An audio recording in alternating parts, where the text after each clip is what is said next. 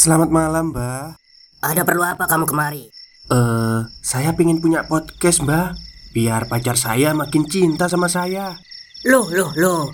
Mau bikin podcast kok tanya dukun? Sekarang kamu download aplikasi Anchor.fm. Di situ kamu bisa buat podcast gratis dan podcast kamu bisa didistribusikan ke platform mana pun. Dan di aplikasi atau website Anchor.fm juga terdapat fitur-fitur yang memudahkan kamu untuk membuat podcast. Oh, gitu ya, Mbak.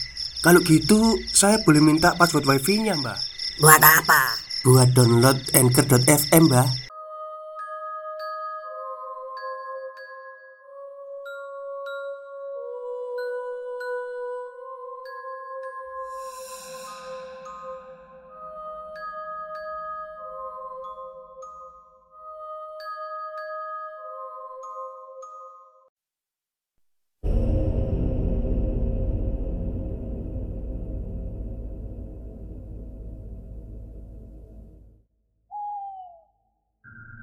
Assalamualaikum warahmatullahi wabarakatuh. Halo semuanya. Jumpa lagi dengan saya Chow Sing Sing Kurator dari podcast Horror Night Story. Halo, apa kabar semuanya? Semoga kalian semua sehat-sehat ya. Dan seperti biasanya pada siang hari ini saya kembali Dan akan menghadirkan sebuah kisah mistis untuk kalian semua Kisah mistis kali ini saya datangkan dari treat horornya Mas Dioseta Mengenai pohon beringin yang ada di asrama. Oke, daripada kita berlama-lama Mari kita simak ceritanya. Hari ini sebenarnya bukan hari yang kutunggu-tunggu Karena Mulai hari ini aku akan pindah sekolah. Dari ibu kota ke sebuah sekolah di daerah pegunungan. Lengkap dengan asrama. Tempat aku akan tinggal nanti. Sepanjang perjalanan aku hanya menikmati pemandangan. Sambil memikirkan Bagaimana kehidupanku di sana nanti. Saat berpisah pada kedua orang tuaku Tinggal di asrama sama sekali tidak pernah kubayangkan.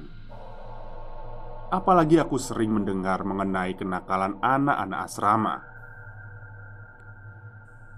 Gio, kita udah sampai nih. Ucap ibu memecahkan lamunanku. Aku mengambil barang-barangku dan membawanya turun dari mobil pemandangan yang serba hijau, dan udara yang segar sedikit menghiburku. Namun, sesuatu menarik perhatianku. Sebuah pohon beringin raksasa yang berukuran sangat besar berdiri tegap di belakang asrama. Sekolahku terletak di sebelah asrama tidak ada yang istimewa dengan sekolahku. Hanya bangunan sekolah biasa seperti sekolah umum lainnya. Kami menuju ke ruang kepala sekolah. Beberapa anak kecil seumuranku mengintip dari jendela-jendela asrama, seolah tertarik mencari tahu siapa teman baru yang akan bergabung bersama mereka. Melihat mereka, aku merasa paling tidak aku tidak akan merasa kesepian di tempat ini.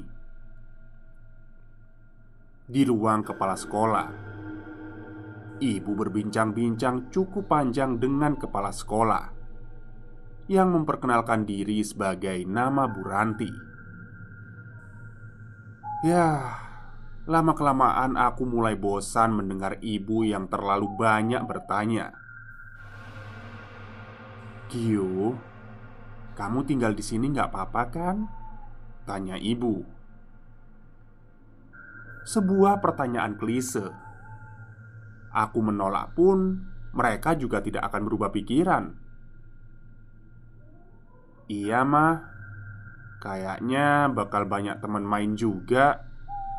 Tapi Mereka juga udah pada ngeliatin Gio Di jendela kamar asrama Jawabku. Ibu mengelus kepalaku. Mungkin karena senang aku sudah jadi anak penurut. Walaupun ibu kepala sekolah hanya mengerutkan alisnya melihatku. Bosan dengan perbincangan mereka. Aku pun keluar dan berkeliling melihat-lihat suasana di sekitar Udara dingin di sini benar-benar membuatku merasa nyaman.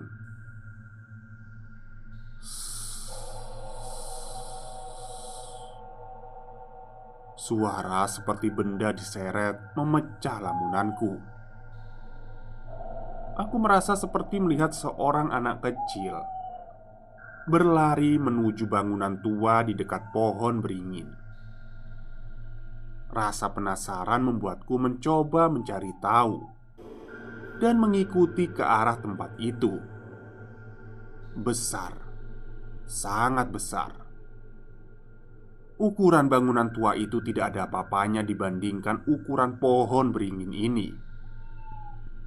Bahkan di siang hari seperti ini, cahaya matahari hampir tertutup sempurna saat berada di bawahnya.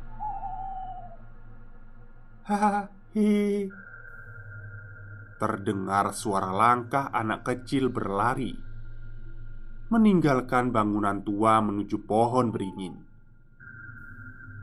Aku berjalan Mengikuti sumber suara itu. Mungkin saja Itu salah satu anak asrama di sini. Namun tanpa sadar aku sudah ada tepat di bawah pohon beringin. Rimbunnya dedaunan menutupi masuknya sinar matahari, dan akar-akar yang menggantung sedikit menggangguku untuk melihat dengan jelas. Hihihi, kali ini terdengar jelas.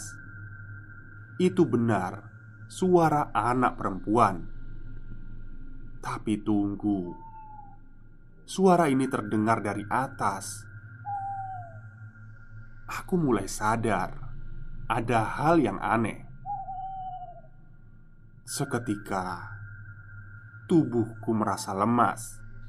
Nyaliku ciut untuk menoleh ke sumber suara itu.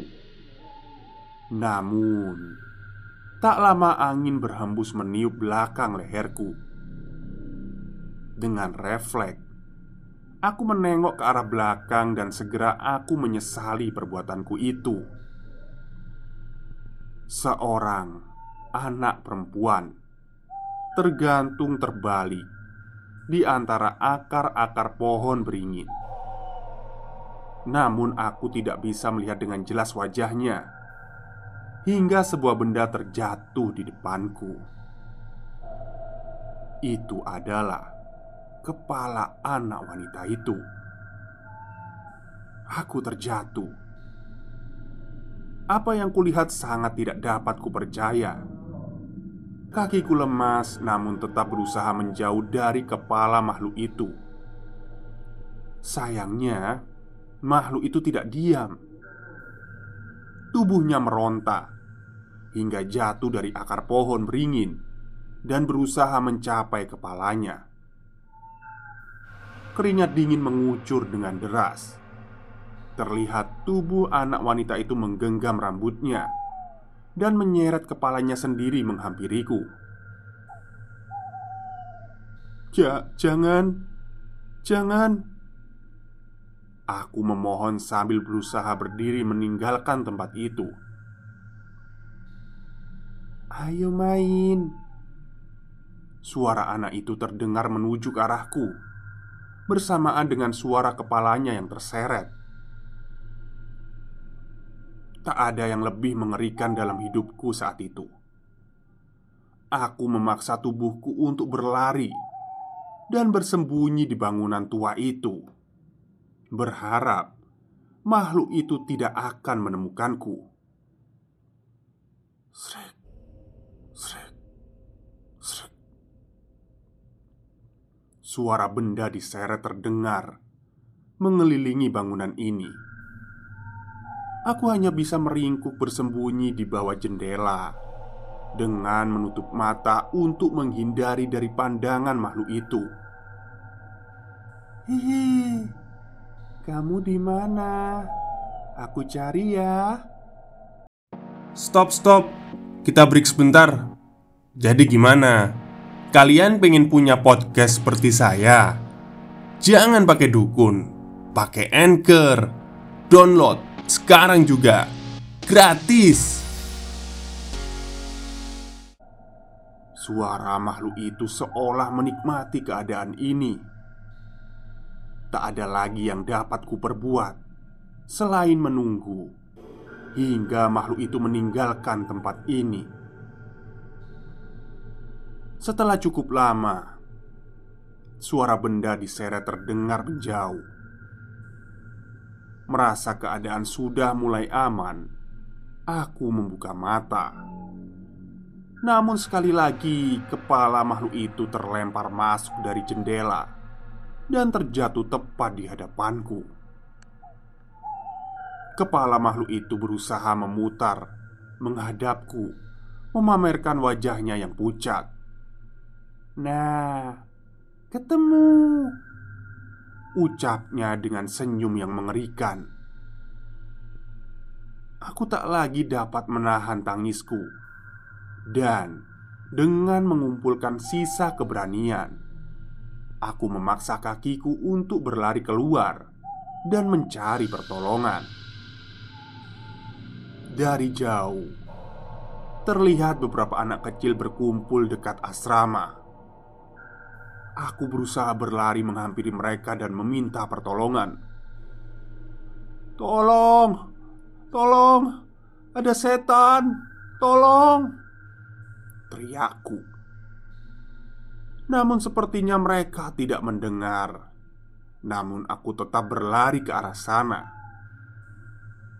Belum sempat sampai di asrama, seekor anjing muncul dengan memasang wajahnya yang menyeramkan.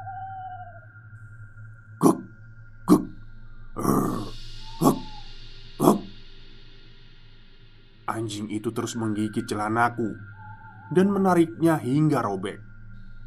Aku berbalik ke arah sekolah, namun anjing itu terus mengejarku. Sampai akhirnya aku menemukan ibu keluar dari ruang kepala sekolah Bersama dengan ibu kepala sekolah Lulu, Lulu Eh, kenapa Gio? Dikejar anjing mah Celanaku robek nih Bu, yang coklat itu anjingnya siapa sih bu? Tanya aku kepada kepala sekolah Oh yang itu sambil menunjuk seekor anjing yang berjalan sedikit melompat sambil menjulurkan lidah, seolah mengajak bermain. Oh, itu itu anjing peliharaan asrama ini. Uh, dia memang senang kok ngajak main orang baru. Lanjutnya, aku yang sudah kelelahan hanya bersembunyi di belakang orang tuaku. Belum sempat menceritakan apa yang terjadi tadi, ibu sudah mengajakku meninggalkan sekolah. Lihat rumahnya Bu Ranti yuk Gi Ajak ibuku Rupanya Dia memilih opsi lain untuk tidak menitipkanku di asrama Melainkan tinggal di rumah Bu Ranti yang juga digunakan sebagai kos untuk anak-anak. Sudah ada beberapa anak yang tinggal di rumahnya. Di sini memang sudah biasa untuk mereka yang tidak kebagian tempat di asrama untuk bisa kos di rumah guru-guru atau warga, namun tetap bersekolah di sana. Kami berjalan kaki dari komplek asrama menuju pintu gerbang keluar karena rumah Buranti terletak di desa Sukmaraya yang cukup dilalui dengan berjalan kaki. Mah, kenapa nggak jadi di sini? Tanya aku penasaran. Di rumah Buranti tempatnya lebih layak. Mama juga jadi bisa sering nelpon kamu. Jawab ibu kepadaku. Tapi mah, Di sini banyak anak-anak seumuranku loh. Tadi Gio juga melihat mereka. Ucapku pada ibu. Bu Ranti terhenti sejenak. Dia menghampiriku dan berkata kepadaku, "Gio, anak-anak asrama masih pada di sekolah. Jadi, seharusnya tidak ada anak-anak di asrama." Ucap Bu Ranti. Makhluk di pohon beringin asrama selesai. Oke, itulah cerita singkat dari treat horornya Mas Dio mengenai makhluk pohon beringin asrama. Sebenarnya ini ada hubungannya ya sama Imah Leweung Leweung kalau nggak salah judul treatnya Mas Dio juga. Namun mungkin eh, nanti saya ceritakan lagi. Oke mungkin itu saja cerita untuk siang hari ini. Semoga kalian suka. Selamat siang dan selamat beristirahat.